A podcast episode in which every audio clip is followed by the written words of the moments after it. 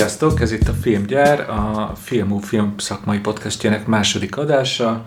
Ő, ebben a részben a, a Magyarországra érkező nemzeti for, nemzetközi forgatások hátteréről fogunk beszélgetni. Ugye arra, kb. arra kérdésre keressük a választ, hogy, hogy miért vált Magyarország a, a régió legvonzóbb helyszínévé a nemzetközi produkciók szemszögéből. A vendégeink Stalter Judit, a Laukom Filmgroup egyik vezetője, filmproducer, Názer, Názer Ádám gyártásvezető, és dr. Csepei Balázs a NFI jogigazgatója. Sziasztok! Sziasztok! Sziasztok! Sziasztok. Köszönjük szépen, hogy itt vagytok. A műsorvezetők pedig Pozsonyi Janka és Varga Dénes. Igen, sziasztok! Na, na de szerintem mielőtt ebbe a elég komplex témába belevágunk, azért azt szeretném tőletek kérni, hogy tényleg, hogy csak pár szóba, hogy hogy kerültetek bele a filmvilágába, mert van köztünk egy jogász, valaki történész diplomával vágott neki. Például Judit, te ugye producerként kezdted, aztán, ahogy néztem, szervizmunkákba is belevágtál. Neked miért volt fontos, hogy abba is kipróbáld magad? Sziasztok, köszönöm a meghívást. Én nem producerként kezdtem, hanem sok minden mást is csináltam a pályám elején de valóban az Infor stúdióban voltam gyártásvezető lányproducer, és most már több mint nem is tudom hány éve, tizen éve a Laokon filmgruppal együtt dolgozom, mint producer, és hogy hogy kerültem ide? Hát bölcsész diplomám van nekem is, de én is filmezést is tanultam, de filmesztétikát, filmtörténetet inkább, és mindig érdekelt a vizualitás. Először operatőr szerettem volna lenni, de az nem sikerült, és most így utólag hál' Istennek, és akkor a gyártás az, az nagyon tetszett és vonzó volt az elejétől fogva számomra, meg jól is ment, és akkor ezzel így szépen elértünk a gyártási vonalnak a, az egyik tetejére ez a producerkedés, és röviden ennyi. Mm, és szerintem ez fontos lesz az egész beszélgetés szempontjából, ugye, hogy hogyha jól emlékszem, az első producei kreditjei között voltak Frigauf Bencének a filmjei, de aztán ugye te külföldi produkciókba is vállaltál, ugye bérmunkát, szervizmunkát. Szerintem ez nagyon fontos, hogy, hogy te egy összeforod nekünk pár mondatban, hogy mit jelent az, hogy szervizmunka? Persze, tehát tényleg az elején a Bencénél a kreditek azok inkább ilyen gyártásvezető, meg lányproducer, ott azoknak a Múhi András volt a, a producere, és én pedig az első önálló munkáimat, kisfilmet azt már csináltam az Infor stúdióba is, de később a Laokon filmnél, ahol egyébként párhuzamosan, ahogy én oda kerültem 2005-ben, akkor ők már folyamatosan dolgoztak külföldi reklámfilmek gyártásával, ami szintén szerviz munka, csak ugye a műfaj különböző. Úgyhogy én a jelenlegi cég és alkotótársaimtól, Sipos Gábortól és Rajna Gábortól tanultam nagyon sokat a szerviz munkáról, mert ők addigra már jó pár éve benne voltak ebben, és a reklámokon keresztül én is nagyon jól beleláttam meg az összes fortéját, kitanultam, és mivel azok jóval gyorsabb és rövidebb időszakok, ezért ott rettenetes lehetőség, jó lehetőség volt a tanulásra, meg az összes új eszköz kipróbálására, meg új információk összeszedésére, amit a külföldiek hoztak magukkal esetlegesen, vagy amiket mi tudtunk továbbadni. Tehát, hogy ez egy ilyen gyártásilag is egy elképesztő kreatív időszak volt az életemben de én világéletemben a játékfilmek iránt vonzottam inkább, meg abba voltam sokkal jobb. Tehát, hogy egyszerűen ez, ezt így ki lehet mondani, hogy van, akinek így a reklám jobban fekszik, szereti, hogy gyorsan lepörög, gyorsan vége van, én meg hosszú távfutásban voltam mindig erősebb, és akkor 2009 környékén jött az első szerviz filmünk, ami játékfilm a Laokonban, és azóta folyamatosan vannak. De hogy mi ez? Ez azt jelenti, igen, tehát hogy a, a szerviz az azt jelenti, hogy a szellemi termék, meg a forgatókönyv, meg az egész előállításnak az ötlete, az külföldről érkezik, az adott rendezővel, producerrel, produkcióval együtt, és a gyártási kivitelezésben van egyeztetés, és ott van a mi területünk, amiben szintén azáltal, hogy stábtagokat delegálunk, azáltal, hogy castingot javaslunk, vagy akár helyszíneket, azért nagyon sok mindenbe hozzájárulunk ahhoz, hogy végül is mi lesz a végtermék de ez is nagyon sokféle. Van, aki erre nyitott a külföldiek közül, van, aki meg egyáltalán nem. Meg attól függ, hogy mi a megrendelő, mi, mi a pénz háttere az egésznek, hogy, hogy ők megmondják pontosan, hogy mit akarnak, és választanak, vagy úgy jönnek ide, hogy kb. ilyesmit szeretnénk, és kérlek javasolj. Tehát, hogy ez is sokféle tud lenni. Mm, és Balázs, te hogy kerültél a filmvilágába? Sziasztok! Én 2019. októberében érkeztem a akkor még Magyar Nemzeti Film Alaphoz, és akkor az volt a, a legnagyobb feladat, hogy ugye a televíziós filmmecenatúra, meg a televíziós filmkollégium területei beolvatnak a Magyar Nemzeti Filmalapba, és így a, úgymond a mozis és a tévés terület is egyetlen egy nagy ö, cég támogatásába kerül, és erre a Nemzeti Filmintézet kialakítása volt a válasz. Ez rengeteg feladatot jelentett jogász szemmel. Gyakorlatilag a cégnek a, a teljes iratait, minden vonatkozó szabályozóját át kellett alakítani az alapszabálytól SMS-en keresztül összes belső szabályozón át, és egy egy egységes, mind a mozi támogatásra, mind a televíziós területi támogatásra vonatkozó támogatási szabályzatot is ki kellett alakítani, úgyhogy nagyon sok feladat volt ezzel a 19-es és 20-as év nagyon sok jogi munkát teremtett nekünk, és gyakorlatilag a 21-es évre elmutatjuk, hogy ezért most már egy, egy közös pályázatási rendszerrel működünk, a szabályozóinkon keresztül szépen egységes pályázati rendszer tud látni az összes támogatást igénylő. És Ádám, hogy lesz valaki történészből gyártásvezető? Sziasztok, üdvözlöm a hallgatókat. Egy teljesen banális véletlen kapcsán lettem, egy nagyon jó gyermekkori barátom filmezett, amikor mi egyetemisták voltunk, és, és az egyik produkcióba kellett egy runner, egy lóti futi, és felhívott, hogy van-e kedvem ezt csinálni, én akkor két egyetemet csináltam, de nagyon vonzott a feladat, és és bekapcsolódtam, mint a stáb legkisebb fogaskereke ebbe a hatalmas gépezetbe, és azóta eltelt 25 év, és itt vagyok, azóta lett az egyik egyetemen egy történész, a másikról egy jogi diplomám, de így kitartottam emellett a ö, hivatás mellett, mert én azt gondolom, hogy ez, ez több, mint szakma, ez hivatás, és ö, szerencsém is volt, ami nagyon kell azt hiszem a filmezésben, mert mindig olyan kollégák, alkototársak, munkatársak mellé kerültem, akik mindig lehetőséget adtak a fejlődésre, és most már gyártásvezetőként nagy nemzetközi filmekbe alkalmanként 100-200 fős távokat tudunk irányítani, és az egy jó érzés. És gyakorlatilag ennyi, hogy egy nyári munkából lett ez, és ezt azért is szoktam elmesélni, van lehetőségem sokszor a pályakezdőknek szárnybontogatását segíteni különböző cégekbe, helyeken, és mindig elmesem ezt a történetet, hogy soha nem tudhatja az ember, hogy egy-egy megragadott lehetőség, akár csak az egy, az egy kétnapos reklámfilm volt, és aztán ott ragadtam, és ahogy mondta Judit, hogy a játékfilmekhez vonzódik, nekem hosszú ideig különböző okokból volt egy különleges vonzódása, meg van is a reklámfilmekhez, főleg a nemzetközi reklámfilmekhez, én azt a műfajt nagyon szeretem, és egyébként sokáig nagyon erősek is voltunk, vagyunk ebbe, mi magyar filmkészítők, és nagyon jó iskolának tartom. És ez az örök, örök tanulni vágyás, ez, ez tulajdonképpen ide vezetett, hogy most már azt gondolom, hogy majdnem, hogy filmesnek is hívhatom magam.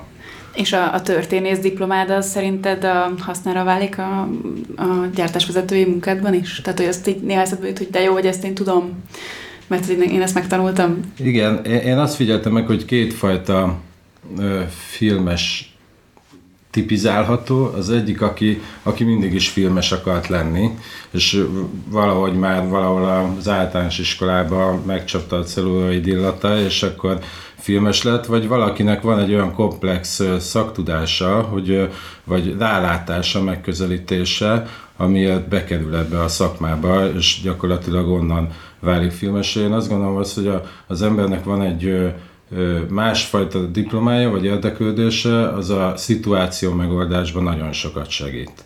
És, és azért is ez fontos, mert majd erről szeretnék is beszélni, hogy, hogy fontos, hogy ez egy átjárható szakma, olyan értelemben, hogy nagyon sok pozíció van, ahol konkrét szaktudásra van szükség, mondjuk egy kamera környezetében dolgozó kollégánál, viszont nagyon sok olyan pozíció van, ami igenis nyitott olyan embereknek, akik nem feltétlenül filmezést tanultak, hanem valamiért bekerülnek a filmezésbe. Uh-huh. És ugye már Judit elmondta nekünk, köszönjük, hogy, hogy mi az a szervizmunka, de igazából aki annyira nem követi ezt a filmes világot szorosan, az is látja a hírekből, hogy tényleg egymásnak adják a kulcsot a sztárok, ugye Scarlett Johansson, Jennifer Lawrence, ugye bérmunka, bérmunka hátán.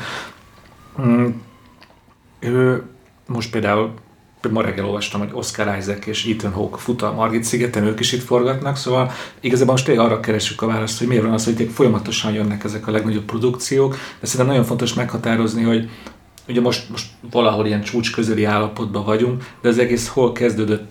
Szerintetek van egy kezdőpont a magyar filmipar fejlődésében, ami megnyitotta az utat a nemzetközi produkciók előtt? Ki lehet ilyet jelölni?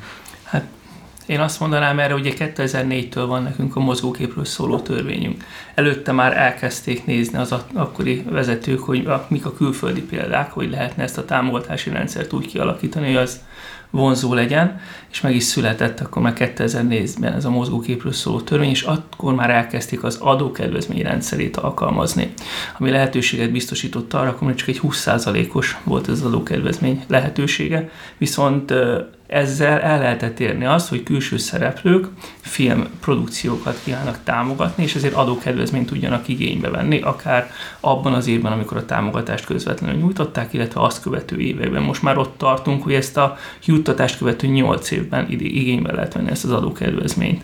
És ez a 20% ez szépen idővel növekedett, ez először 25%-ra, aztán most már 30% ez a ez a kedvezmény lehetősége. Igen, és szerintem még emellett az is nagyon fontos, hogy a filmtörvény adta lehetőségek azok nem csak a szervizmunkákra, hanem a beruházásokra és a stúdióépítésekre is érvényesek voltak az elején, úgyhogy hirtelen így a régióban Magyarország elhúzott a többi országgal szemben, mert fantasztikus és nagyon korszerű és örületes stúdiók épültek, amik még mindig megvannak, ugye ez a, a kor Korda, Origo, meg vannak kisebbek, és folyamatosan fejlődik az Astra is, a Fóti, a Mafilm, ugye, ami a, szintén a Nemzeti Filmintézet ö, ö, tulajdona, ö, tehát a stúdiókapacitás, és ezáltal az, hogy a szakember ö, gárda is folyamatosan fejlődött, és az eszközök is, és ö, ö, gyakorlatilag minden elérhető volt, ö, mint Nyugat-Európában, csak ö, olcsóbb volt még mindig, rugalmas rugalmasabb volt, és volt hozzá ez a, a elég kedvező adóvisszatérítés, ez így egy nagy csomaggá alakult, és hirtelen piacvezetővé vált az ország bérmunka tekintetében. Én, én annyit tennék hozzá, hogy amit Balázs is, meg Judit is mondott, az, az nagyon fontos, és a Juditnak kitűnő amerikai kapcsolatai vannak, de hagyd mondjam most én ezt történetet, hogy olvastam a Los Angeles-i filmirodának a, az éves jelentését, ami egy nagyon érdekes dolog, és publikálják rendszeresen mindenkinek ajánlom, aki mélyebben érdeklődik a téma iránt, hogy most már úgy látom, hogy globális szinten nem elemeznek, de a 2010-es évek első felébe igen, és kiderült belőle, hogy Amerikán belül melyik tagállamba forgatnak le egy filmet, egy, egy nagy stúdió, azt nagyon nagy ö, ö, részt az dönti el, hogy melyik állam milyen adókedvezményt nyújt. Tehát, hogy Illinoisba, vagy Floridába, vagy Kaliforniába milyen kedvezményt adnak éppen aktuálisan annak a produkciónak, és ez, ez a legnagyobb jelentőségi dolog. Én azt gondolom, hogy 6-8 szegmensből áll össze ez a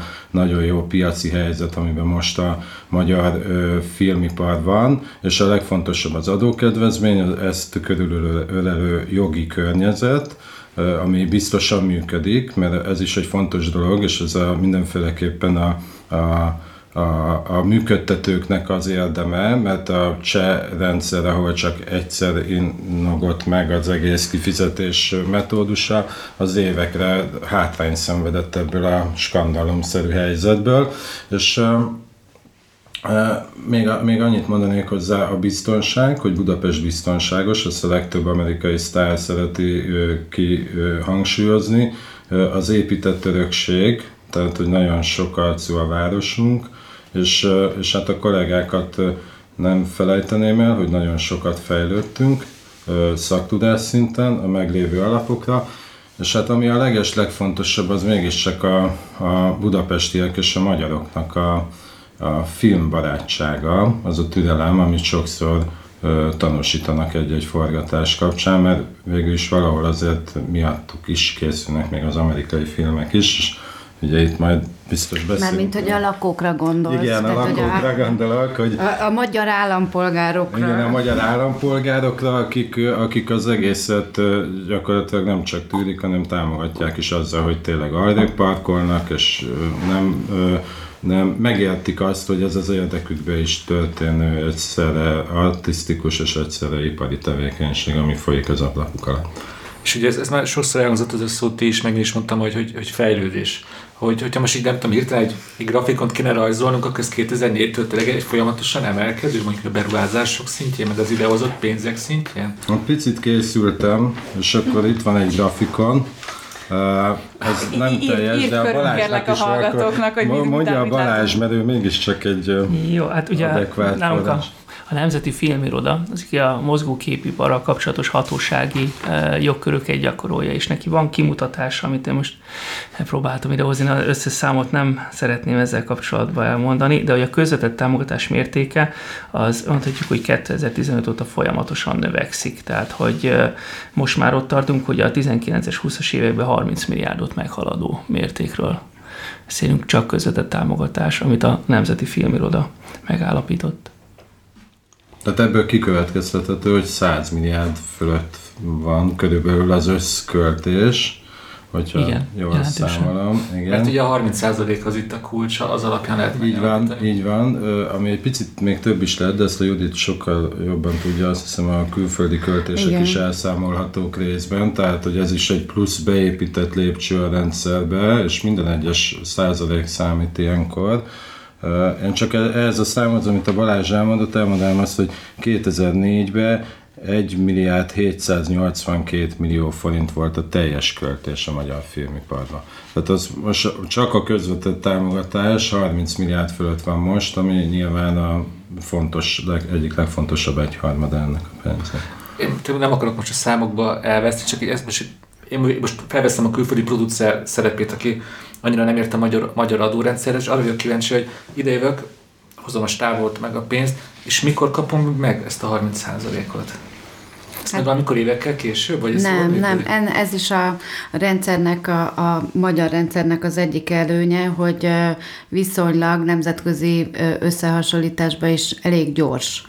Tehát, hogy sok minden, minden mindentől függ természetesen, hogy az adott financiális rendszer éppen hogy áll össze, de ugye ez egy utófinanszírozási rendszer, ami azt jelenti, hogy előre ki kell fizetni a számlákat, a szerződéseknek mindennek rendbe kell lennie, a produkció közben is el lehet számolni különböző részelszámolásokat, de hogyha valakinek az az egyszerűbb és a, az a célra törőbb, akkor a forgatás végén utána egy-két hónapon belül, attól függ, hogy éppen mennyire van sok produkció egyszerre az országban, meg a filmirodának a leterheltségétől is függ, de azért ez törvényileg is szabályozva van, de azért azt lehet mondani, hogy 60 nap alatt a költségellenőrzés leszokott zajlódni, és utána mi kapunk egy határozatot, a produkció a magyar gyártócég, amiben az ki van mondva, hogy akkor az elszámolás mennyire volt rendben, és mi az az összeg, ami, ami alapján mi ezt az adóvisszatérítést meg tudjuk gyakorlatilag biztosítani tudjuk a külföldi produkció részére. És akkor a filmintézetnek van egy zseniális vívmánya, sok minden más mellett, ez a letéti számla, és lehet, hogy erről is jobb, ha Balázs beszél. Szerintem igen. Jó, szóval Balázs, mesélsz nekünk a letéti igen, számláról? Egy, kicsi, egy kicsit visszalépnék. Ez már túl szakmai, nem tudom a hallgatókat. Majd, majd, majd állítsatok le, hogyha nagyon jogászik ez lenni a dolog. Szóval az elején ugye úgy indult, hogy akkor kell egyesével kezdjenek a produkciók keresni maguknak olyat, akik támogatást adnak, és ezért cserébe adókedvezményt akarnak kapni. Ez látszott, hogy a rendszer nem fogja tudni olyan stabilan és olyan kiegyensúlyozottan működtetni, ahogy, azt, ahogy az, az egész szakma elvárná. Ez 2012-ben úgy átalakult, hogy lehetőség nyílt arra, hogy a filmintézettel lehet ilyen szerződést kötni, ami adókedvezményt keletkeztet, és a letéti számlára lehet teljesíteni ezt a befizetést. Ez az egyik oldal, hogy érkezett meg a letéti számlára számlára az összeg, és majd a letéti számláról az NFI-vel kötött támogatási szerződés alapján kaphatták meg a, a magukat az összegeket az egyes filmgyártó vállalkozások. És az volt ebben a nagy különbség, hogy 2016-tól meg be, belépett ebbe a, a NAV, aki negyedévenként feltölti ezt a letéti számlát azzal az összeggel, ami a kormányrendeletben meghatározott teljes összeg negyedje, de az adókedvezménnyel elérhető szerződések és a negyed közötti különbséget tölti fel maga annak. Nem, nem tudom, hogy ez így érthető-e, amit próbálok mondani. Tehát van egy 2016-os kormányrendelet, ami, ami meghatározza minden évben, hogy a letéti számlán mekkora összeget lehet elhelyezni. Ez most a 21-es évben 33 milliárd. Lehetőség van arra, hogy ugye folyamatosan kössük a szerződéseket, akik egyesével akarnak a produkciókkal e, ilyen adókedvezmény igénybevétele miatt szerződni,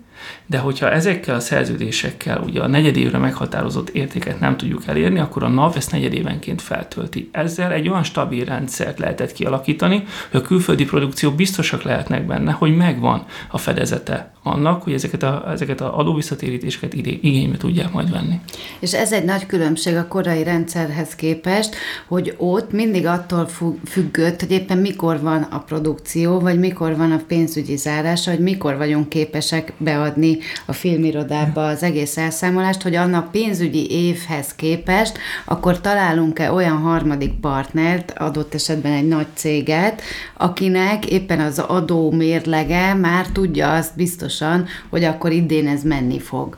Mert ugye, ugye az utolsó negyed évben már a, a pénzügyi év végéhez közeledve már kb. mindenki látja az eredményét, de hogyha az év elején vagyunk, akkor azért nem volt ez ennyire egyértelmű. És ahogy a Balázs mondta, hogy ez egy folyamatos, stabil rendszer innentől kezdve, és lehet vele kalkulálni, és azt is lehet tudni, hogy a letéti számlán is ugye azért sorban állás van, tehát attól függően, hogy hány produkció van előtted, mögötted, meg kinek mekkora összeg jár elvileg, de ez is átlátható és kiszámítható, és ez a korábbi rendszerhez képest valóban egy nagy eredmény, mert ez így stabilabb jóval. És, és most így 2021-ben filmtörvény, meg, meg minden adókedvezmény szempontjából ki a legnagyobb konkurenciája Magyarországnak? Tehát, hogy ki az, akivel itt versenybe kell szállni, melyik ország, úgy értem. Igen ezt úgy mondanám, hogy azért a, a környező országokban is megvan a saját támogatási rendszerük, és azért itt mennek a, a számokkal való háborúk. Szlovéniában ez 25 százalék, Csehországban 20 százalék, valamint további adókedvezményeket adnak a filmjártóknak. Lengyelországban 30 százalék, de ott van egy felső határt, ott egy 3,3 millió euró, amit projektenként igénybe lehet maximum venni. Romániában van egy 35 százalék. Ez uh, most szűnik meg. Igen. igen. ja, hogy ezt így, így közös újongásként fogadja Magyarország, hogy akkor aki Romániába ment volna, az hát jó Nyilván azért a konkurencia, az konkurencia, főleg ha ennyire közeli.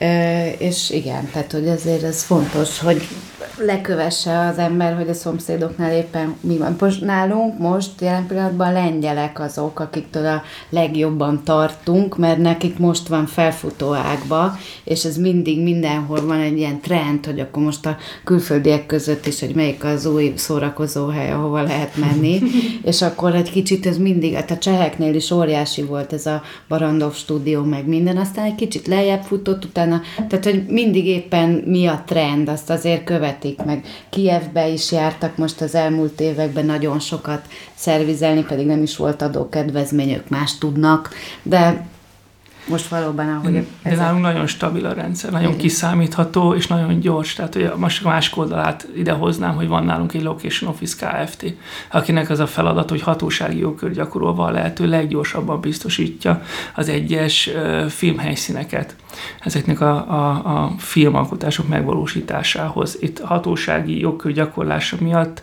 sürgős esetben két, napos, két munkanapos ügyintézési határidőkről beszélünk, de a nem sürgős esetben is öt munkanapról beszélünk. Nagyon De akkor ezt bocs, csak úgy képzelem, hogy én vagyok a, a nagy amerikai producer, és rámutatok a bazilikára, hogy ez kell nekem, akkor meg segít, segít a filmintézetnek ez az ö, irodája? Azért a bazilikára irányoztatva egyből nem, de igen, hogyha filmhelyszínt keres, akkor ebbe a Location Office Kft. bármikor tud segíteni az önkormányzatokkal való együttműködést is, hiszen azért ez egy háromoldalú együttműködés, mert egyrészt ugye magát a hatósági szerződést azt a Location Office Kft-vel köti meg a filmgyártó cég, de az önkormányzatoknak kell hozzá a jóváhagyás, hogy ez érvényessé váljon. Úgyhogy érdemes azért az önkormányzatokkal is együttműködni, tehát hogy mindenképpen őket bevonni, de az látszik, hogy nagyon gyors határidőkkel tud dolgozni a magyar rendszer, nagyon stabil, és ezzel a, a letéti számlarendszerrel nagyon kiszámítható. És mindez jön az, hogy van egy komoly, nagyon komoly képzési program a Filmintézet részéről, tehát az utó eh, képzés és a szakma, eh, szakma részére az biztosított. Most próbálok egy olyan kérdést feltenni, amivel nem lehet számokkal válaszolni, hogy ugye ö, 2010, ha jól hiszem, 2011-től 2019-ig volt ugye a filmügyi kormánybiztos Andy Vajna, aki ugye Hollywoodban ugye befutott producer volt, és onnan jött haza, hogy neki mekkora szerepe van a, abban, hogy most itt tart a magyar filmipar, ahol szerintetek? Óriási. Én ezt ki, Most. kimerem mondani. Tehát, hogy tényleg, tehát, hogy mind a letéti számla, meg ennek a Location Office-nak is a, az, er, az eredeti ötlete az tőle jött, meg őt próbálta meg úgy centralizálni ezeket a kérdésköröket, hogy ezt folyamatosan láttuk, hogy hol vannak a gyenge pontjai a rendszernek, és a, az ő általa vezetett és Havas Ágnes által irányított film alap volt az, akik ezt így annak idején lefektették, és azóta ugye az NFI szépen továbbfejlesztette meg, összevonta a másik mozgókép alappal együtt, tehát, és nyilván az Endinek a kapcsolati hálója is az egy elképesztő support volt, tehát, hogy Hollywoodba tényleg tudott er, erről beszélni, és tényleg ő rajta keresztül is ide kerültek olyan producerek és produkciók, amik azért lehet, hogy egyébként lassabban értek volna ide, azt gondolom. Csak felírtam magamnak, hogy Judit, te például dolgoztál a, a Penelope Cruz főszereplésével készült ö, Spanyolország királynőjén. Csak nem tudom, egy, egy gyakorlati példán keresztül ők miért jöttek Magyarországra? Hát ö, neki, ennek a filmnek a rendezője Fernando Trueba, ő is egy Oscar díjas rendező, és ők konkrétan két dolog miatt jöttek. Az egyik, hogy előtte volt a Saul fia, ami nagyon tetszett a, annak a spanyol rendezőnek, és érdekelte, hogy ki az a társaság, aki ilyen kevés pénzből ekkora ö, kampányal egy ilyen filmet le tudott tenni az asztalra, ez volt az egyik, a másik meg, hogy addigra mi már több spanyol játékfilmen túl voltunk, és ott is a spanyol kollégák, ez ugyanígy szájról szájra terjedt, hogy akkor kivel érdemes, és ők így kerültek hozzánk. És elégedetten is távoztak, szerinted? Nagyon, ez szerintem nekem életemben az volt az első olyan film, amik, ami hamarabb egy nappal vagy másféllel hamarabb végeztünk, mint ami a gyártási terv volt, de az egy másik kulcskérdés is, hogy bizonyos esetekben, és valahogy ez is érdekes a mi életünkben, hogy többször kerülünk olyan rendezővel kapcsolatba, aki egyébként az az gyártó cég, akivel jövünk, akivel dolgozunk, tehát ilyen volt ez a spanyol is, aztán Krisztof Zanussi a lengyeleknek a nagyon nagy rendezőjük, legendás, száz filmen túl levő rendezőjük a saját cégével jött, ő is egy nappal hamarabb végzett utána. Ez az Éter című film. Ez az Éter, és akkor most tavasz, tavaly nyáron pedig Svájcból egy szintén egy industry veterán, Markus Fischer, aki szintén rendező és producer, 84 óta van saját gyártócége, tehát hogy ott is így nagyon jól tudtuk ezt, együtt, ezt az együttműködést. Igen, annyit tennék hozzá, hogy a, hogy a szájhagyomány, meg a bizalom, az egy nagyon-nagyon fontos dolog, mert minden, mindenféle ö, jogi környezet, meg adókedvezmény, az, az egy ö, indikátor, de az, hogy, hogy valóban, ahogy a Judit most elmesélte, hogy ez a ö, spanyol film hogy került ide, az, hogy e, minden egyes produkcióját megküzdünk, és minden kérdezted, hogy kik a közvetlen konkurenciáink, vagy ki a nagy konkurencia. Én azt mondanám, hogy az egész világ. Uh-huh. Mert ez egy teljesen nemzetközi piac, és nyilván Nyilván nekünk a környező államokat kell leginkább figyelni, és az így helyes, de alapvetőleg nekünk nagyon sokszor fordult elő a közös munkánkban is, meg egyébként is, hogy olyan helyekkel konkuráltunk, mint Dél-Amerika, vagy Dél-Afrika, vagy nem tudom, mindig vannak ilyen felkapott helyszínek, és, és hogy a bizalom meg a szájhagyomány az egy nagyon erő itt, mert itt nagyon él az a régi iskola, hogy mindent a produkcióért, ugye ez egy régi filmes, magyar filmes mentalitás, és, a, és ezt szerintem nagyon sokan viszik el innen ezt a hírt, hogy, hogy itt tényleg van egy olyan szakmai alázat, meg, meg, meg olyan működési rendszer, ami, ami stabilitást biztosít. Hogyha valaki ide jön, az nagy valószínűséggel filmmel a dobozba megy el. És azért ez egy fontos dolog, és reméljük, hogy jó filmet.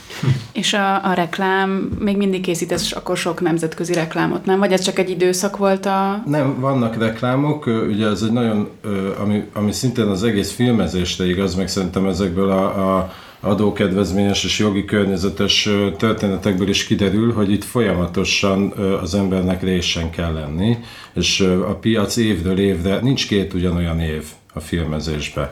Pont azért, mert minden produkció más, azért minden éved más lesz, hogyha filmezel, és ahogy a jogi környezet is, a, a gazdasági környezet is folyamatosan változik, ugyanígy változik a piaci torta is, hogy mit, mit csinál éppen az ember egy-egy évben, és most a reklám piac sokokból kifolyólag Budapesten nem a legdominánsabb.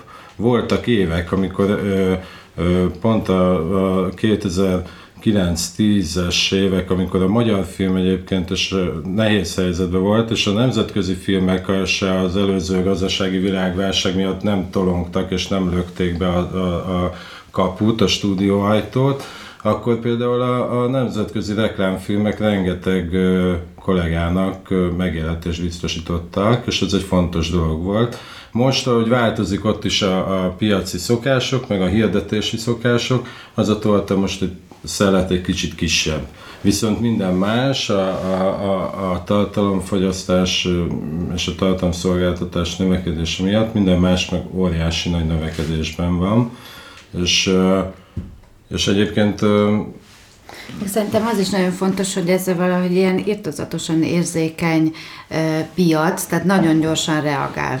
Tehát, hogy bármikor, tehát egy olyan szépen lekövethető és grafikonok által bemutatható, hogy bármiféle válságra aznap reagál, nagyon gyorsan összeomlik, és az elsőként térdepel fel, és megy újra, amikor, be, amikor viszont beindul. Tehát, hogy ezt most konkrétan az elmúlt másfél évben is nagyon szépen láttuk, hogy, hogy a, a, a, az egész korona ügy az hogy hatott, tehát, hogy tényleg aznap összepakoltak a külföldiek, és ott hagyták a bérelt autóikat, ahol éppen parkoltak, és rohantak a reptére, és nagyon érdekes, hogy hogy jöttek vissza, és hogy kik voltak azok, akik először jöttek, és ezek az első fecskék, és most meg olyan szinten dömping van, és tombol minden, hogy nem lehet stábot találni se. Csak, az csak, hogy néhány számmal ezt így alátámasztjuk, hogy 2020-ban a Location Office-hoz több mint ezer kérelem érkezett meg, de hát akkor már a Covid eléggé tombolt. De mégis beérkezett több mint ezer kérelem, 44 film, 14 sorozat és több mint 50 reklám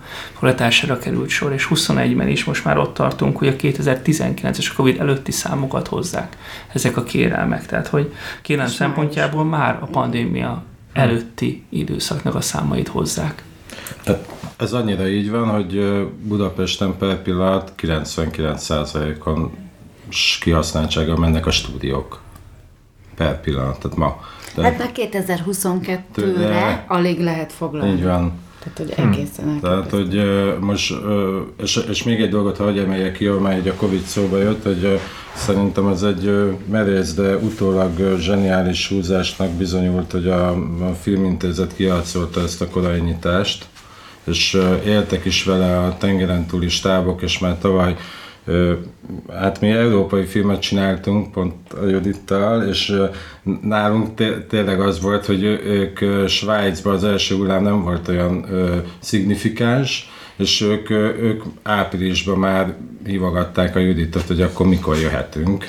És uh, itthon még ugye otthon ült tavaly, ilyenkor mindenki otthon ült, uh, tehát hogy mi, mi már májusban, júniusban felvettük a fonalat, ami, ami szintén annak volt köszönhető, hogy ez a filmbarát közeg, egyáltalán helyszínek, volt benne több olyan helyszín is, ami, ami vizsgálgatta, hogy egyáltalán be tud-e minket engedni, és mindenki beengedett végül, mert átlátták, hogy az... De ezek stúdiók voltak, tehát hogy azért nem a belváros közepén így van, 200 így van. emberrel, hanem ez ezek van, stúdiók. Ez egy szerencse volt nekünk, de hogy ősztől viszont ennek a korai nyitásnak köszönhetően megjelentek a, a, a nagy tengeren turistábok is a városba, és, és hát most ott tart ez, hogy hát nem is tudom, de nagyon 6-7-8 nagy A-kategóriás film fut egyszerre a városban. Meg szerintem még az is fontos volt itt nekünk, hogy a, a Covid alatt a, Nemzeti Filmintézet maguk kerestek meg például minket is, hogy van-e olyan bérmunka, aminek így az indítását akár kreatív együttműködéssel, együtt koprodukcióvá tudjuk fejleszteni, és hál' Istennek voltak, és ebbe is, és akkor nem csak szervizmunka lett belőle, hanem koprodukció, ami egy jóval összetettebb, érdekesebb, értékesebb együttműködés, nem csak a létrehozást, hanem a jogokat, a felhasználást tekintve is, és ott például az nagyon jó volt, hogy, hogy így a filmintézet így gondolta segíteni újraindítani a szakmát, hogy meglévő produkciókat még jobban megsegített. De mm, szerintem ez, ez egy fontos részt ennek az egésznek, hogy ugye, ugye a fekete pókról beszéltetek, Igen. ugye már koproducerként vettetek részt. Ezt így ilyen pár gyakorlati példán keresztül meg tudod világítani, hogy, hogy ez miben más, mint a szervizmunka, hogy mivel, mit kell másként csinálnotok, vagy többet? Igen, tehát, hogy egyrészt a, a, a kreatív együttműködés az jóval összetettebb, már onnantól kezdve, hogy a forgatókönyvbe is innentől megkérdezték, hogy mi a véleményünk, ugyanúgy átküldik most a, a, az utómunká alatt a különböző vágatokat, tehát hogy van egy olyan kreatív együttműködés, ami a szerviznél mondjuk nem elvárható, meg általában nem is szokott lenni. Itt ugyanúgy a helyszínek mellett például az Ádámnak volt zseniális húzása, amikor kiderült, hogy az egyiket nem kapjuk, és akkor végül a Skanzenbe tudtunk menni, ami szintén egy kreatív történész aggyal átgondolt megoldás volt, hogy jó, akkor viszont hogy fogjuk tudni ezt megoldani, hát így, és ezek nagyon-nagyon jó, jó együttműködések kialakultak, például ez is, de ez emellett ugye mi kaptunk a filmintézettől is pénzügyi támogatást, tehát nem csak az adóvisszatérítést, hanem a financiális tervnek egy pici százaléka az a, a, az NFI-nek a, a támogatása, ami ez egy fontos dolog, és ezért Ugye a film utóélete is máshogy zajlik, tehát nem az van, hogy ők leforgattak, hazamentek, és viszontlátás, aztán majd elküldik a linket, hogyha már megy a moziba, hanem, hanem akkor ennek az utóéletéről is van egyeztetés, hogy akkor melyik fesztiválon, a világforgalmazóval. Nyilván mindenkivel ők tartják, mint többségi producerek a kapcsolatot, de engem is megkérdeznek sok-sok mindenről, és a bevételből való részesedésben is megjelenünk. Igaz, hogy pici százaléka és alacsony ö, szinten, de ettől függetlenül ez így nekünk ö, így a jövőre nézve egy befektetés, mert ugye az NFI-nek is egy picit az is a szándéka, hogy ők is adnak bizonyos cégeknek bizonyos produkciókra támogatást, és majd cserébe reméljük, hogy egyszer mi is, ha lesz olyan projektünk, amiben ez alkalmas, akkor akár e, svájci együttműködésbe Aha. E, tudjunk dolgozni. Tehát, hogy ezek egy kicsit így összefüggnek, meg hosszú távú e, együttműködésekbe szeretek én például dolgozni, tehát keresem azokat a partnereket, producereket, rendezőket, akikkel nem csak egy filmről van szó, hanem, hanem akár a következőről. Tehát itt a Grosán Krisztina filmje például, akivel az első filmét az Inkubátor programba csináltuk, de most már egy eh, cseh, szlovák, olasz, magyar koprodukcióban dolgozunk együtt, és várjuk majd a harmadikat is, hogy ott viszont hogy forog tovább a kör. Azt hiszem, egy alapja maradt ki ennek a a beszélgetésnek. Igen. Tehát, hogy ott, ott kéne elhatárolni, hogy ezt, hogy hogy bérmunka, meg szerzünk, ezt nem fogjuk megtalálni a jogszabályba. Ez a megrendelésre készülő filmalkotás. Amikor egy filmgyártó vállalkozás van benne, a filmgyártó vállalkozás költ egy szerződést erre a gyártásra a film előállítóval. Tehát maga a filmgyártó vállalkozás nem lesz film előállító. A legtöbb esetben általában legyártja azt, a, amit tőle megrendeltek, és utána ezekhez kapcsolódó jogokkal már nem rendelkezik. Itt elszámolnak felek és vége. Ha viszont produkció van, akkor egyfajta film előállítói minőségű is be lehet kerülni, és ott már a bevétel részesedés és az egyéb jogoknak a kezelése is előkerül. Tehát itt lehet ezt a kettő, kettő dolgot elhatárolni egymástól, amit mi bírmunkának hívunk, ezek a megrendelés készült filmalkotások. Hát meg, hogyha egy film koprodukcióban készül, akkor ott van egy bizonyos számú, mondjuk magyar szakember, akinek benne kell lenni a stábba. Tehát, hogy keresni kell Igen, valakit. hát van egy kulturális Igen. rendszer, egy besorolás, aminek meg kell tudni felelni. Ez egy Európában működő pontrendszer, sok-sok szabályozás, jogi háttér innen, onnan, amonnan, de az a lényeg, hogy igen, ezt ki kell dekázni, hogy akkor ki mit hoz, és ki mit visz. És... Igen, ahhoz bocsánat, a támogatásba tudjon részesülni a filmintézettől. Egy ilyen filmalkotáshoz magyarnak majd magyar részvételűnek kell lenni, és ehhez ezen a kulturális teszten át kell menni, ahol meghatározott mennyiségű pontot, amit a törvényből meg lehet ismerni, annak meg hogy milyen feltételeknek kell megfelelni. Ha ezen átmész, a filmiroda vizsgálja, onnantól fog tudni támogatásban részesülni a filmintézettől és most nem tudom, hogy akartok egy jóslatokba bocsátkozni, de arra vagyok kíváncsi, hogy ez a Fekete Pók, ez mennyire egyedi történet, vagy a közévőben egyre több ehhez hasonló koprodukció fog készülni. Szóval kevesebb szervizmunka, több koprodukció. Szerintetek ez a jövő? Én úgy mondanám, hogy nem kevesebb szervizmunka, én úgy mondanám, hogy több koprodukció. Tehát, hogy a célja a filmintézetnek, hogy támogassa minél több koprodukció eh, megvalósulhasson, de ugyanakkor a szervizmunkák is ennél vagy ennél még több legyen Magyarországon csak egy, egy korábbi dologra akarok visszautalni. talán te mondtad, Ádám, hogy már most 99%-on pörögnek a, a stúdiók itt Budapesten és környékén. Mm, ebből jutott eszem a kérdés, hogy akkor itt, itt nincs egy, egy hiány, hogy akár több produkció is jönne ide? Erre is tudnék válaszolni, mint ahogy Kály Csaba kormánybiztos úr már több fórumon jelezte is, tehát hogy a filmintézet új stúdiók létrehozását tervezi, és ez, ezzel próbáljuk ezt a nagy kihasználtságot enyhíteni, vagy még több stúdiót biztosítani a szakma részére. Tehát azt tudjuk, azt tudjuk amit mi, mint végfelhasználók, ha lehet ilyet mondani, tehát a gyártásban részvevő emberek tudunk, hogy Fóton zajlik már, és folyamatban van, ugye a Fóti filmgyár az mindig is a, a MAFIL, majd aztán az NF, a Filmalap és a Nemzeti Filmintézet égisze alatt működik, és ott zajlik egy nagyobb stúdióberuházás, és vannak magánerőből létrejövő beruházások, amelyek szintén folyamatban vannak itt ugye a négyzetméter számot érdemes figyelni mindig, mert ugye az a, az, az egyik fő szorzója ennek a dolognak, hogy nagyjából egy átlagos uh, film uh, a 2000 négyzetméter, de stúdió az nagyjából az egy ilyen alap, tehát hogy egy szettet kényelmesen 1000-2000 négyzetméter körül lehet beépíteni, berendezni,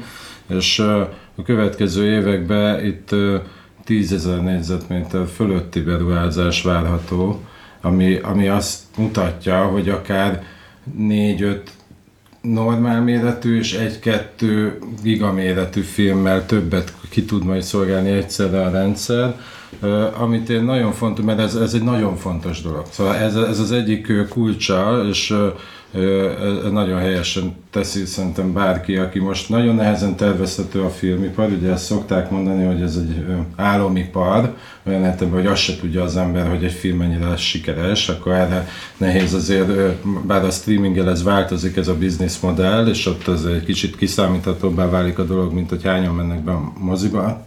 Aztán, de hogy a stúdió építési lánc van, az biztos, ez fontos, és legalább ennyire fontos, amit említettünk itt, az oktatás, mert az jól látszik, hogy, hogy az az a másik érzékeny pont, ahol a versenyképességünket meg kell tartani, mert én azt gondolom, hogy a következő években ki fog tartani ez a hullám, ami, ami a Covid-dal erősödött, az igény az új tartalomra, és a, az oktatási programok, az NFI által kezdeményezett felsőoktatás, most van középfokú oktatási program és pályázat, ezek mind nagyon fontosak, mert nincs elég képzett, flexibilis stábtag per pillanat a városban. Hát De még hadd tegyek hozzá egy ilyen élő példát, ami szerintem így nagyon sok mindent elárul erről az egészről, hogy például van olyan műterem most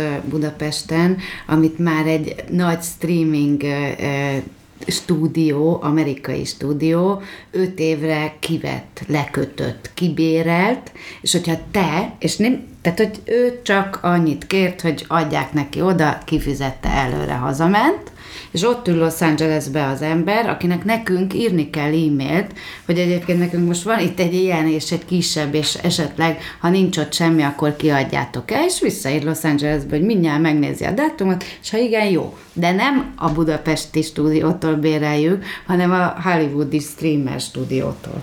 Tehát akkor a, a jogi körülmények ezt megengedik. Az ilyen, az ilyen ritka példákat, mint például ez is, hogy a meg nem nevezett amerikai stúdió kibérel egy magyar. A jogi lehetőség megvan, hogyha az albérletbeadás lehetőség nincsen kizárva, hogy további bérletek lehessenek, meg ugye a, aki nagyobb időszakra foglal le egy területet, nem biztos, hogy minden egyes napot felhasznál, és hogyha oda be tud férni egy-két produkció, akkor az mindenkinek úgymond jó, hogy mégsem mondjuk azt, hogy ez már ki van teljes mértékben adva, tehát nem lehet hozzáférni, hanem hanem, hanem azt a kis részeket is ki lehessen adni más produkcióknak.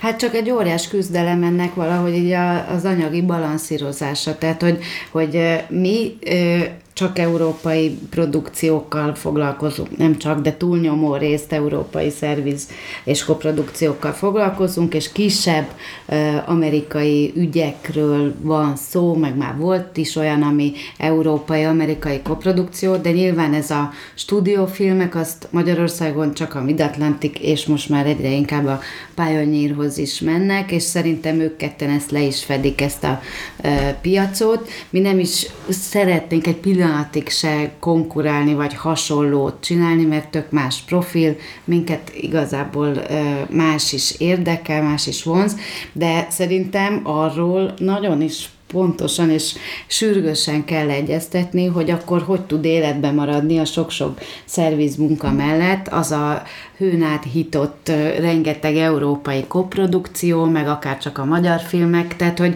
hogy egy ilyen egészséges egyensúlyt majd valahogy meg kell uh, tudni uh, találni, mert ez egyre inkább eltolódik. Tehát, hogy mi ezt tapasztaljuk, hogy ezt látjuk, hogy egyszerűen uh, a, azok a uh, uh, produkciók, akik írtózatos uh, uh, háttérrel rendelkeznek, mert nagyon hosszúak, és mert nagyon biztosan tudnak fizetni, fizetni, és már előre kifizetik az embereket úgy, hogy még nem is kell bemenni, de már nem mehet senki sehova.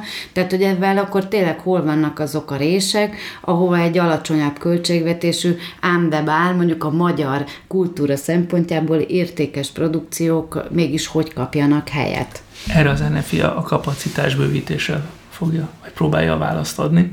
Na, mesélj! Hát ugye a, a fóti beruházásokról Hát igen, igen, most. de most meg a stáb is, mert hogy ugye ez tényleg valóban teljesen jó, hogy ez az utánpótlás nevelés az ilyen erős, és erre is van jogi szabályozás, hogy aki fölveszi a közvetett támogatást, annak kötelezően százalékos arányba kell fizetni az utókét, vagy ennek... Ez a... így van a, a képzés támogatására minden egyes támogatott produkciónak meghatározott százalékot kell biztosítani. Tehát... Hogy visszaforog a rendszerbe, és, és tényleg újabb és újabb rengeteg fiatal vagy akárhány éves kerül ki, aki filmes szeretne lenni, de azért szerintem az nagyon fontos és nem elhanyagolható, hogy ezek mellett a képzések mellett ez egy olyan szakma, amit gyakorlattal lehet véglegesíteni. Tehát, hogy és van az NFI-nek is gyakornok rendszere, tehát hogy az sem kihagyható, és azért ezek mondjuk még egy pár év kell, hogy így utolérje magát a dolog, mert hiába vannak új fiatalok kevés tapasztalattal, már sokkal több produkció van, és végül is folyamatos emberhiányba szenvedünk most is. Egyszerűen lehetetlen stábot találni például jelenleg. Ezt, Igen, e- e- ezzel a témával kapcsolatban csak egy kis reklám, hogy erről egy e- egész adásunk szólt a továbbképzésről, meg a szakember mm-hmm. pótlásról, úgyhogy azt érdemes meghallgatni, ha valakit ez a téma érdekel. Meg hát én, én eleve készültem ezzel a kérdésre, hogy vannak-e feszültségek a, a nemzetközi és a magyar produkciók között, de akkor most kb. választhatod, hogy több is, hogy, hogy a szakembere versenyigés a szakemberekért, és hogyha jól értem, akkor a nagyok elnyomják a kicsiket? Mert... Ez, ez nem feszültség, ez az együttéléssel járó hullámok, én azt gondolom, mert ezt úgy kell elképzelni, hogy egyik héten az ember magyar filmes, aztán a jövő héten nemzetközi filmes, tehát hogy én mindenkinek azt szoktam mondani, amikor bizalmatlan, hogy mi ebbe a városba csináltunk filmet 15 éve is, és 15 év múlva is ebbe a városba szeretnénk meg ebbe az országba filmet csinálni, tehát hogy feszültségnek nem nevezném, kihívásnak nevezném, mert nagyon sokrétű a piac, és nagyon sok igénynek kell egyszerre megfelelni, és különböző kliensek jönnek különböző fajta elvárásokkal, büdzsékkel és, és másfajta munkakultúrával. És ez az egész, egészben meg kell találni azt az egyensúlyt, ami fenntarthatóvá teszi a rendszert, és ahogy itt most beszéltünk arról, hogy, hogy a szubrentálás rendszere, amikor egy nagy amerikai produkció kiveszi a, a, a stúdiót. Mi érezzük azt, pont Fóta volt nekem januárban egy reklámfilm kapcsán ilyen ö, együttműködésem a Fóti filmgyárral, a stúdióval, hogy igen, ki tudtuk venni három napra a stúdiót. A, a nagy amerikai partner. A, a nagy amerikai partnertől a, a filmintézet munkatársainak közleműködésével. És ez, ezek nagyon, tehát ezekre gondolunk, hogy ez nagyon fontos dolog, ugye lehet beszél, meg a szaksajtóban volt erről szó, hogy a sávos árképzés. Ugye, hogy hogy ne ugyanannyit fizessen egy helyszínnek egy 300 fős táb, mint egy 30 fős táb. Ugye itt erről beszélünk, ami, ami szerintem egyébként én nem vagyok gyakorló jogász, de, de szerintem ez még akár jogilag is alátámasztható. Ez, ezt a mindennapi ügymenetben kell kiárni az embernek. Tehát itt jön be a gyártás szerepe, hogy amikor tudjuk, hogy egy helyszínen előttünk ott forgatott a Jennifer Lawrence, és biztos, hogy több pénzük volt, mint annak a közép-európai koprodukciónak, amivel mi megyünk, aki három napot forgat Budapesten, de fontos három napot, akkor nekünk igen, el kell érnünk az a, annál a, a helyszínnél, annál a tulajdonosnál, hogy vegye ezt figyelembe, és ez a, ez a fajta rugalmasság, ez fontos. És akkor ez, jól értem, akkor ez létezik is, hogy hiába forgatott abban az utcában Jennifer Lawrence, valahogy a magyar produkció is megkaphatja. Léteznie kell, mert különben nem, nem tudnának elkészülni az inkubátorfilmek, nem tudnának elkészülni a, a európai filmek, a kisebb magyar reklámfilmek, tehát hogy ezt, ezt tartani kell ezt a fajta nyitottságot a megoldások felé, és, és innen is köszönöm mindenkinek, aki, aki a másik oldalon állva, mondjuk egy étterem tulajdonos, ezt átérzi és megérti ezt a helyzetet, mert ugye sokszor csípőből tüzel az ember, főleg a pénzről van szó, de azért látjuk, hogy, hogy, hogy Budapesten, Magyarországon azért tudnak differenciálni akár, akár a partnereink, és hogy, hogy mit lehet, mit nem lehet. Igen, de azért ez egy folyamatos kihívás, hogy a, a stábnak megy föl az ára, meg azért nagyon sok mindennek folyamatosan megy föl az ára a külföldi tőkerős bérmunkák miatt, és van, akinek ez probléma, és van, akinek nem probléma, de mondjuk például a mi ügyfélkörünknek abszolút probléma. Hát ugye az inkubátor támogatás az évek óta ugyanannyi, hiába igen. növekednek a, a bérezések. Igen, igen, szóval, hogy erről biztos, hogy előbb-utóbb kapacitásbővítés mellett kell majd tudni beszélni, mert, mert különben egyszer csak ki fog lukadni a, a rendszer, mert már most elképesztő nehéz találni olyan, hogy, tehát hogy meg az is egy érdekes olvasat, hogy mondjuk eljön egy régi partner, megnézi, hogy az elmúlt pár évben mennyivel mentek föl az árak, és azt mondja, hogy na jó, hát akkor inkább otthon maradok, vagy elmegyek Szerbiába, vagy Romániába, majd tényleg el is megy, de a következőnél megint visszajön, hogy jó, akkor viszont nézzük meg, hogy hogy tud ez mégis működni, mert nagyon jó a szakembergárda, mégis a legjobbak a stúdiók a környezetben, mégis tök jók a tehát hogy például a, olyan grip meg lámpa raktár van, amilyen a legközelebbi Londonban van elérhető. Tehát, hogy ezek mind olyan dolgok, amik azért mégiscsak vonzóvá teszik és tartják az országot, csak mondjuk nekünk, akik sokféle produkcióval, sokféle műfajjal dolgoznak, és nem mondjuk csak beálltunk az amerikai szervizgyártásra, ez, ez mindennapi kihívás, hogy akkor hogy tudunk olyan embereket összeszedni, akik mégis a mi rendszerünkben is jól dolgoznak, és mi is természetesen a legjobbakat szeretnénk. Mert igen, szóval, hogy mi lesz velünk a következő pár évben, erről akartam pár ilyen, ilyen jóslatba bocsátkozó kérdést föltenni. Hogyha jól értem, fokozatosan emelkednek az árak, és akkor ebből előbb-utóbb lehet egy probléma a magyar filmiparban, hogy egyszerűen elszállnak túlzottan az árak, és nem jönnek ide többet? Hát ez van. Ez, ez, már, ez már létezik, ez, ez nem a... Ez, ez egy évek óta tartó trend. Ugye ez egy nagyon bizonyos értelemben nagyon sivál szakma a miénk, mert excelek közt éljük az életünket, és a végén a szám megmutatja, hogy egy napforgatás mennyibe kerül. És azért az embernek, hogyha rendszeresen mappázik, meg, meg van tárhelye, akkor vissza tudja keresni, hogy ugyanez mennyibe került 2010-ben mondjuk, vagy 11-ben, vagy 15-ben. És akkor látja, és nem csak mi csináljuk ezt, hanem a, a mi, hanem a mi megrendelőink, ugye itt a nemzetközi filmekről beszélünk, és a mi nemzetközi megrendelőink ugyanígy csinálják, sőt, ez annyira így van, hogy hogy a nemzetközi reklámfilmek piacán, ez pontosan, de a játékfilmek is így vannak, pontosan tudjuk, hogy egy-egy projektet akár megfuttatnak 6-8 országba. És meg a mi országunkban három meg a mi a három, három gyártott cégnél. Három gyártott, tehát, hogy ez a másik, ami érdekes. Tehát, hogy egy, egy szorgalmas fi, berlini vagy londoni filmproducernek néhány nap hét a projekt méretétől függően, néhány nap héten, napon, héten belül lesz 8-10-20 mutációja, hogy Tallinnba, Budapesten, Madridba, Londonba mennyibe kerül, és hogyha ezt, ezt akkurátusan csinálta az elmúlt években, akkor még, még nagyjából össze is tudja hasonlítgatni, hogy mi történik. És ezt csinálják, ezt pontosan tudjuk, hogy ez így történik.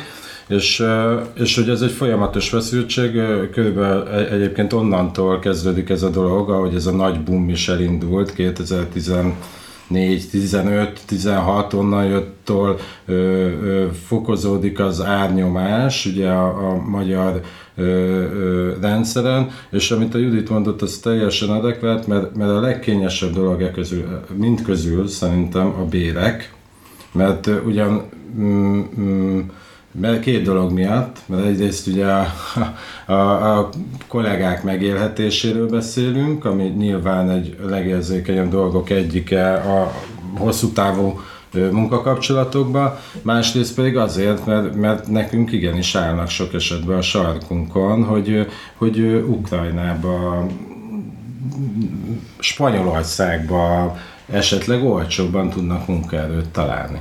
És akkor e- nehéz elmagyarázni azt egy-egy kollégának, hogy mi nem azért próbáljuk azt az 5-10 ezer fontos, egyébként most már évek óta rendszeres emelést kordába tartani, mert, mert nekünk lett nagyobb az igényünk, vagy, vagy a mi megrendelőnk lett még tudatosabb a megtakarítások tekintetében, hanem a versenyképességünket védjük, mert nem lehet pusztán egy irányba berendezkedni. Ez mindig is fontos volt a magyar filmgyártásban, hogy a, most nem beszéltünk róla, de a nemzeti filmek, a koprodukciók és a megrendelt munkák, vagy hogy mondtad ezt, ezek így hárman mindig kéz a kézbe járnak. Tehát nem lehet, nem lehet azt mondani, hogy, hogy azt kikapcsoljuk, mert az akkor majd annélkül a másik kettő el lesz, mert nem igazán lesz el. De közben meg az egy érdekes felvetés szerintem, és most már egyre többet jut eszünkbe, hogy,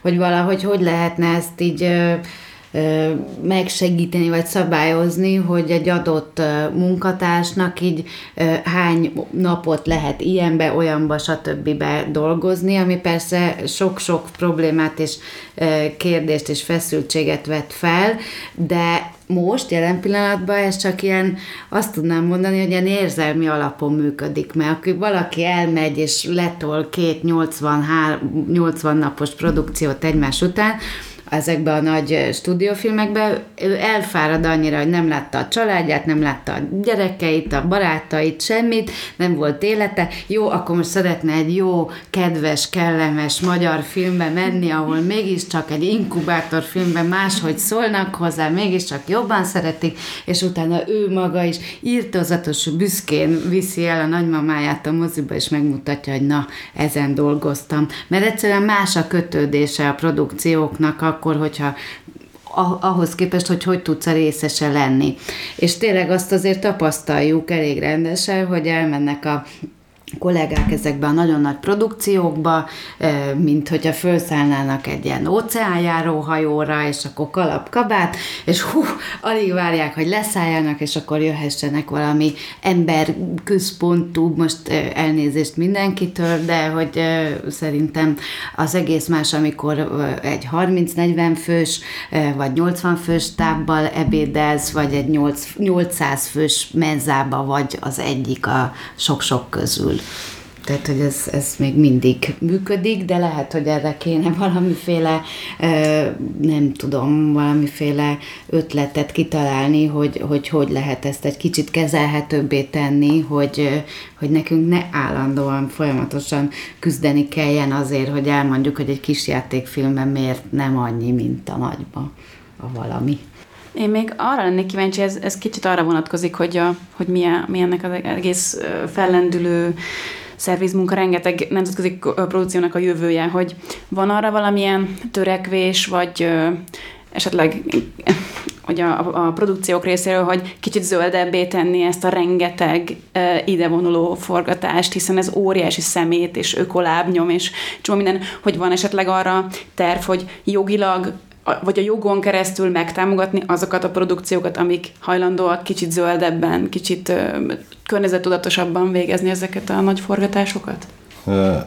Abszolút helyén való kérdésnek tartom, mert ez az egyik nagy kihívás lesz a következő évtizedeknek, mert keveset beszélünk róla, de, de fogunk róla beszélni, hogy a... Hát itthon keveset beszélünk, de Amerikában ez már nagyon Bocsánat, de Amerikában meg Kanadában ez már nagyon megy. Így van, hogy ezt akartam én is mondani, hogy ez annyira így van, hogy Amerikában, tehát a tengeren túli angol száz company policy és, és egyébként én úgy tudom, hogy jogi környezetbe is be, beépítették, de Magyarországon is van hasonló uh, attitűdű, megközelítésű nagyvállalati szabályzó rendszer erre, de ez még a filmeseknél magyar viszonylatban kevés ilyennel tapasztal, találkoztam én, de azt most ki tudom jelenteni, hogy például az egyik nagy vezető piacvezető amerikai stúdió Green Departmentet kért fel a budapesti forgatásához, mert neki már a policiába benne van, hogyha megy valahova, akkor kötelező ilyet használni, amit úgy kell elképzelni, mint a Health and Safety ö, ö, ö, rendszert, hogy ajánlásokat tesz, felügyeli azt, hogy minél zöldebben, minél környezetudatosabban lehessen a munkát végezni, és ez biztos, hogy egy, egy nagy kihívása, és van ilyen törekvés, és ezt szerintem a következő években sokat fogunk erről hallani, meg sokat fogunk beszélni, már csak azért is, mert, mert ezek a nagy cégek nem fogják tudni megengedni maguknak, hogy erről, erről ezzel kapcsolatban lehet legyenek. Most is kapnak ö, ö, olyan indikációt, meg olyan támogatást is bizonyos államoktól, Amerikába, meg Kanadába, hogyha így dolgoznak és ezt csinálják, akkor több adó visszatérítést kapnak például. Tehát, igen, hogy, ilyesmire gondoltam, hogy így támogatni. Igen, ez már elindult, és mi mondjuk természetesen amennyire tudjuk, már nem használunk pillepalackos ásványvizet, meg már mindenkinek kell hozni a kulacsot, meg nem tudom, hogyha lehet autót kell bérelnünk, akkor próbálunk elektromos autót, stb. stb.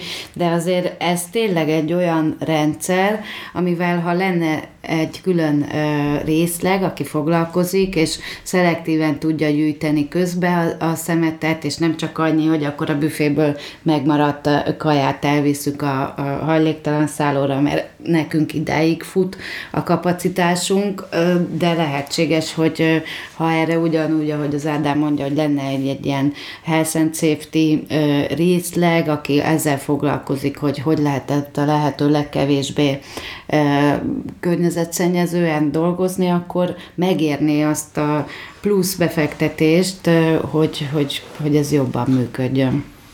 És még egy fontos dolog jutott ezzel kapcsolatban eszembe, hogy, hogy itt ugye a nemzetközi filmek és a helyszínek, ugye az a, az alapmotívum a beszélgetésünknek, hogy azt mindenféleképpen szeretném elmondani, hogy, hogy egy óriási fejlődésen ment át a, a magyar filmgyártás, hogyha valaki emlékszik arra, hogy a Spy Game, meg az Spy, ezek a nagy filmek a 2000-es évek elején, ezek ugye úgy, úgy történt, hogy gyakorlatilag lezárták az egész alsó rakpartot, és kilométer hosszan kilométer hosszan a karaván bent a város szívébe ott állt hetekig, hónapokig, és ilyen most is van, mert ez van, van olyan, hogy elkerülhetetlen. De egy közös szakmai és, és és szabályzó rendszer következtébe ez a rendszer rengeteget finomodott. És, és szerintem az is, a, az is a fenntartatóság egyik fontos, ez is a fenntartatóság egyik fontos eleme, hogy, hogy, hogy ezeket a nagy stábokat sokkal tudatosabban használjuk mi is, hogy kit hova lehet parkoltatni, kit hova lehet beengedni. Komolyodtak nagyon a, a járművekre vonatkozó ö, környezetvédelmi jogszabályok nagyon megszigorodtak, nagyon szigorúvá váltak az elmúlt tíz évben, tehát hogy már a, még amikor antiidőkben ikaruszokkal bebrummogtattuk egy-egy éjszaka a, a Józsefvárost mondjuk, akkor szegény lakók tényleg, én is azt mondtam volna, hogy hát menjetek ti a fenébe, amellett, hogy hangos még büdös. Hát dobálták is a nejlonzacskó, vizes nejlonzacskókat rá az agregátorokra, úgyhogy... Ez... Igen, ezért is mondtam, hogy nagyon fontos a Location Office Kft. működésében az önkormányzatokkal egy előzetes megbeszélés legyen, mert az egyes önkormányzatoknál lehet tudni, hogy milyen elvárások vannak, mi az, amit ők, ők jóvá hagynának, és ami, ami, hogy is mondjam, lehetővé teszi, hogy nagyon gyorsan megköthessük a hatósági szerződést, és ne legyen egy ellenállás az önkormányzat részéről. Persze, de az eszközök is nagyon sokat fejlődtek, tehát hogy azért most már 5-10-15 év alatt elképesztő, hogy technikailag is hova fejlődött a dolog. Igen, szóval, hogy, hogy ez a rész is szerintem ide a, a fenntarthatósághoz, meg a tudatossághoz, környezet tudatossághoz jön, hogy, hogy mind a, mind a, a hivatali oldal, mind a, a gyártói oldal, mind a kettő szerintem felismerte azt, hogy még nem is lehet figyelmen kívül hagyni azt, hogy ez egy élő nagyváros, és a, a, a Location Office az egy nagyon ö, hangsúlyos szereplő ebbe a folyamatban, mert, mert azért azt mi tudjuk, és szerintem ezt itt kimondhatjuk, hogy az a, a hármas jogviszonyban, amit említette, mindig az önkormányzat az, aki legnehezebben tud alkalmazkodni hát, hozzá. Az önkormányzat, ugye neki ugye a, a lakók érdekeit Így kell van. néznie. És hát ez, ez valahol egy természetes helyzet, de mi, mi is sokszor voltunk úgy, hogy a helyszínirodával vált, vált, a vet, vált, vált a, válnak vetve, próbáltuk meg elérni azt, hogy, hogy egy olyan ö, megoldás kompromisszum szülessen, hogy a filmet is meg lehessen csinálni, bevételt hozzunk az önkormányzatnak, és ö, és a lakók se azt gondolják, hogy jaj, megint itt vannak a filmesek. De ilyen, ilyen, ilyen általános kijelentést ki lehet mondani, hogy most a budapestiek azok elfogadóak, türelmesek a filmes tábokkal? Azt mondhatnánk, hogy elutasításból viszonylag keveset tudunk, tehát sikerül eljutni a, a megállapodásig. Nagyon sok beszélget, tehát nem úgy kell elképzelni, hogy a hatósági szerződés kérelmet beadják, és akkor két nap múlva megvan a szerződés. Ez nagyon sok munkát jelent, ahol megpróbálják a, a, mind a három fél az igényeket és az érdekeket egymáshoz közelíteni, és maga az eredmény, ahol el kell utasítani, mert az önkormányzat nem járult hozzá, vagy amiatt nem lép életbe, nem lesz érvényes a szerződés, mert az önkormányzat nem adta a hozzájárulását, és ez kifejezetten és nyilatkozta, ebből nagyon kevés van. Most, meg, bocsánat, nagyon, meg szerintem beszéljünk egy pillanatot csak vidékről, mert az is nagyon érdekes, hogy amikor csak lehet, és olyan a, a filmnek a témája, vagy a, az arculata, hogy megoldható, akkor fantasztikus, hogy mennyivel könnyebb és kedvesebb és egyszerűbb és stresszmentesebb egy vidéki városba levonulni, és ott forgatni, és egy ottani szállodába betenni az egész tábot. Tehát, hogy ott az egy másik világ természetesen, eleve elmenni egy hétre táborozni és úgy filmet csinálni, más az egésznek a, a hangulata, de nagyon-nagyon sokszor megéri az a plusz költség, hogy akkor le kell vonulni és szállást kell fizetni a stábnak, mert egyszerűen könnyebben kezelhető, és az már a produkció érdekeit szolgálja, hogyha kevesebb feszültség van a lakókörnyezettel természetesen. De a saját karrieredből, karrieredből tudsz példát mondani? Jó vidéki helyszínre, jó forgatásra? De persze, hát nagyon sokat, tehát hogy ja. mi azért, amikor csak lehet, az azért egy második körbe fölmerül, hogy jó, de és tudnánk-e inkább vidéken forgatni, és vannak kimondott olyan, olyan városok, mondjuk persze persze változik mindig a politika, meg a városvezetések, hogy éppen hol milyen, de, de például itt a Pest megyében még egyszerűbb, mert ugye van ez a 30-45 perces rádiusz, amit mindig megnézünk, ami azt jelenti, hogy még egy-egy túlórával megoldható, hogy ne is kelljen leg... Igen. Tehát, hogy az így első körben nagyon érdekes, itt a közeli kisebb városok, de aztán van Pécs, Debrecen, azok biztos, hogy mostani időszakban is nagyon filmkedvelő városok, meg Balaton környéke az állandóan, tehát hogy csak ott meg, meg a nyári. Gödöllő, Gödöllő Szentendre, meg Pilis Szentlélek. Ezek ilyen kiemeltebb helyszínek mostanában. Igen, igen. Tehát, hogy ott is mi, mi, mi Esztergomba is voltunk nem olyan rég külföldivel forgatni, tehát hogy mindig meg kell nézni, hogy mit keres az adott produkció, és szerintem az, az egy jó ötlet ezt lefuttatni viszonylag az elején, hogy esetleg érdemese elmenni. Igen, azt én is néztem, hogy ezek a külföldi produkciók egyáltalán nem állnak meg Budapest határánál. A ság, elmésztem a Sághegyre, az már több nagy nemzetközi film is felbukkan, biztos vannak mi sok példák, de akkor ők bátran mennek tovább, még Pest megye határain is. Persze, persze. Hát ugye a Midsommar is valahol ott Buda, Buda, Budakeszi, Budakeszi környékén forgat.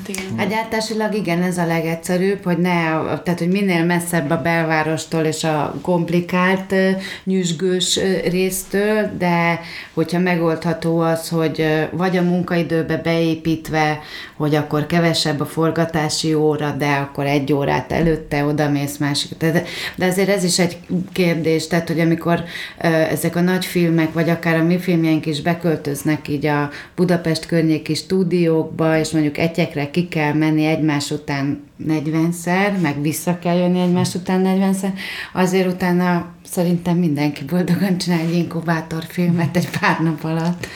Tehát, hogy az is van. Azért a fővárosi helyszínekkel kapcsolatban azt mindig figyelembe kell venni, meg kell oldani a parkolásokat, kell tájékoztatni kell az összes lakót. Tehát, hogy nagyon sok plusz olyan feladat, ami vidéken nem biztos, hogy elő fog fordulni, vagy ilyen súlya fog előfordulni. Igen, illetve az, hogy, hogy ugye a stúdiók azért Budapesten, vagy, vagy így tényleg ebbe a félórás rádiuszba helyezkednek el, ez azért fenntartja azt a helyzetet, meg a nemzetközi repülőtér, meg a nem tudom, tehát hogy ezek azért a Budapest centrikusság megvan, de való igaz, hogy a, a, a, akár már a nagy amerikai produkciók is utaznak 100 km fölötti távolságot, ami, ami ugye anyagilag sem mindegy egy, egy ilyen hatalmas távot megmocintani, és azt mondani, hogy akkor benzinnel és autópálya matricával és mindennel együtt indulj el munkaidővel.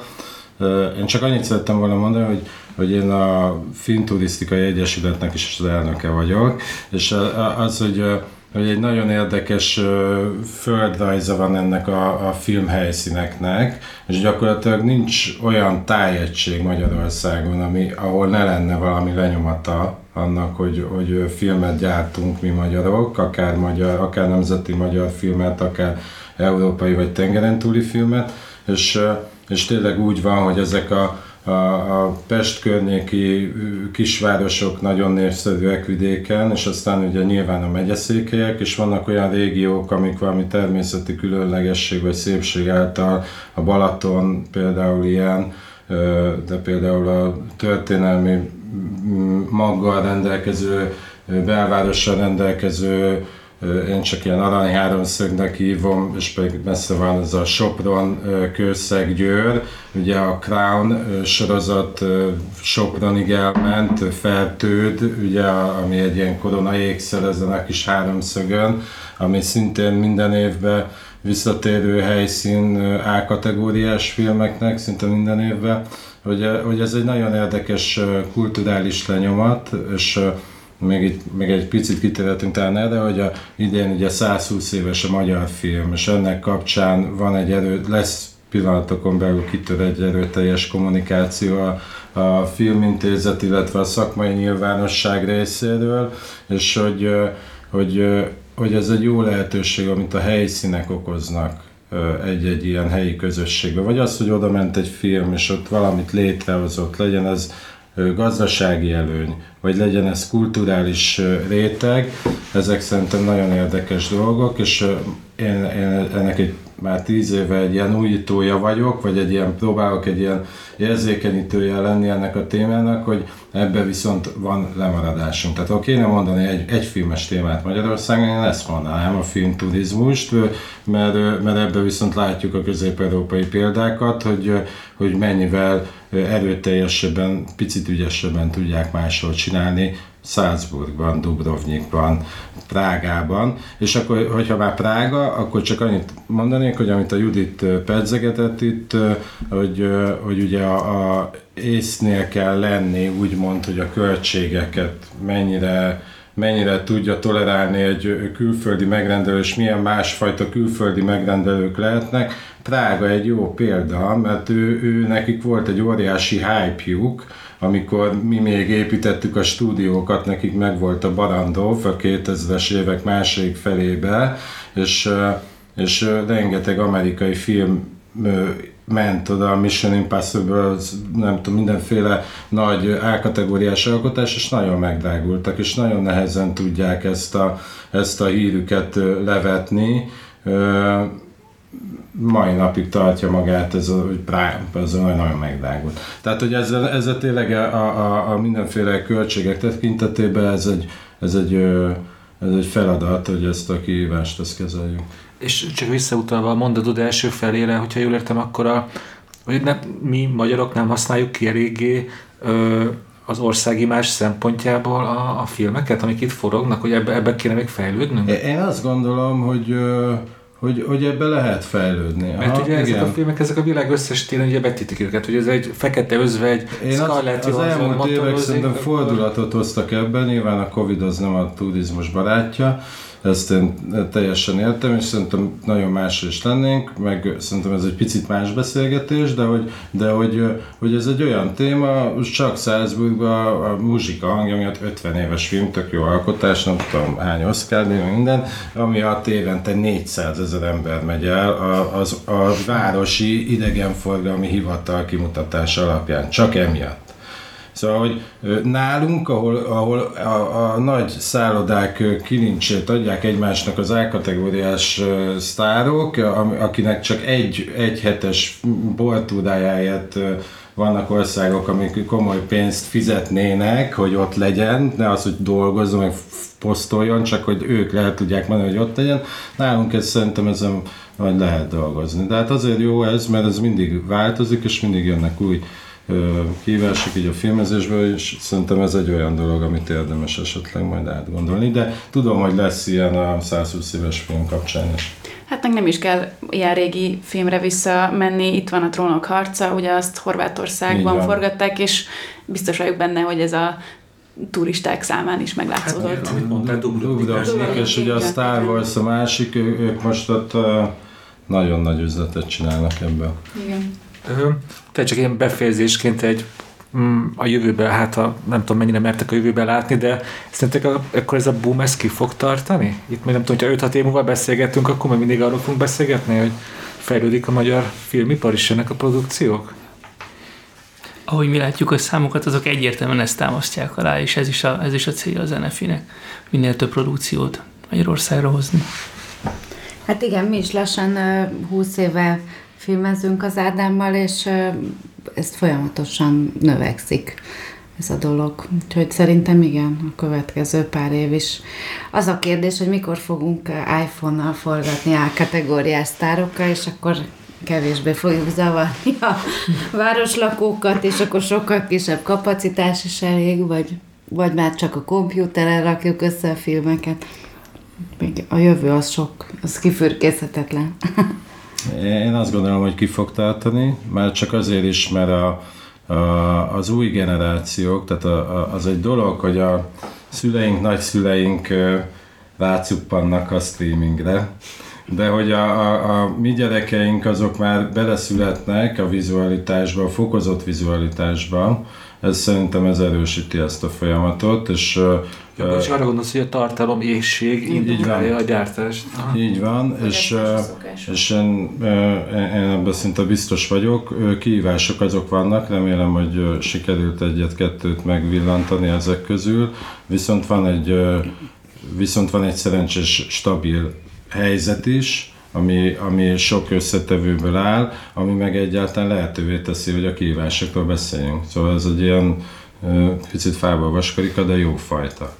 Egyik ilyen jó válasz a kihívásra a filmintézet részét, csak hogy hazabeszéljek egy kicsit, azért a magyar streaming szolgáltatása, filmi jó létrehozása is megtörtént, egész jó számokkal, egy nagyon, nagyon széles film választékkal úgy lehetőséget arra, hogy a, a nemzeti filmvagyont és az új filmekből is jó párat megismerhessenek az a magyarok, meg a külföldi emberek is.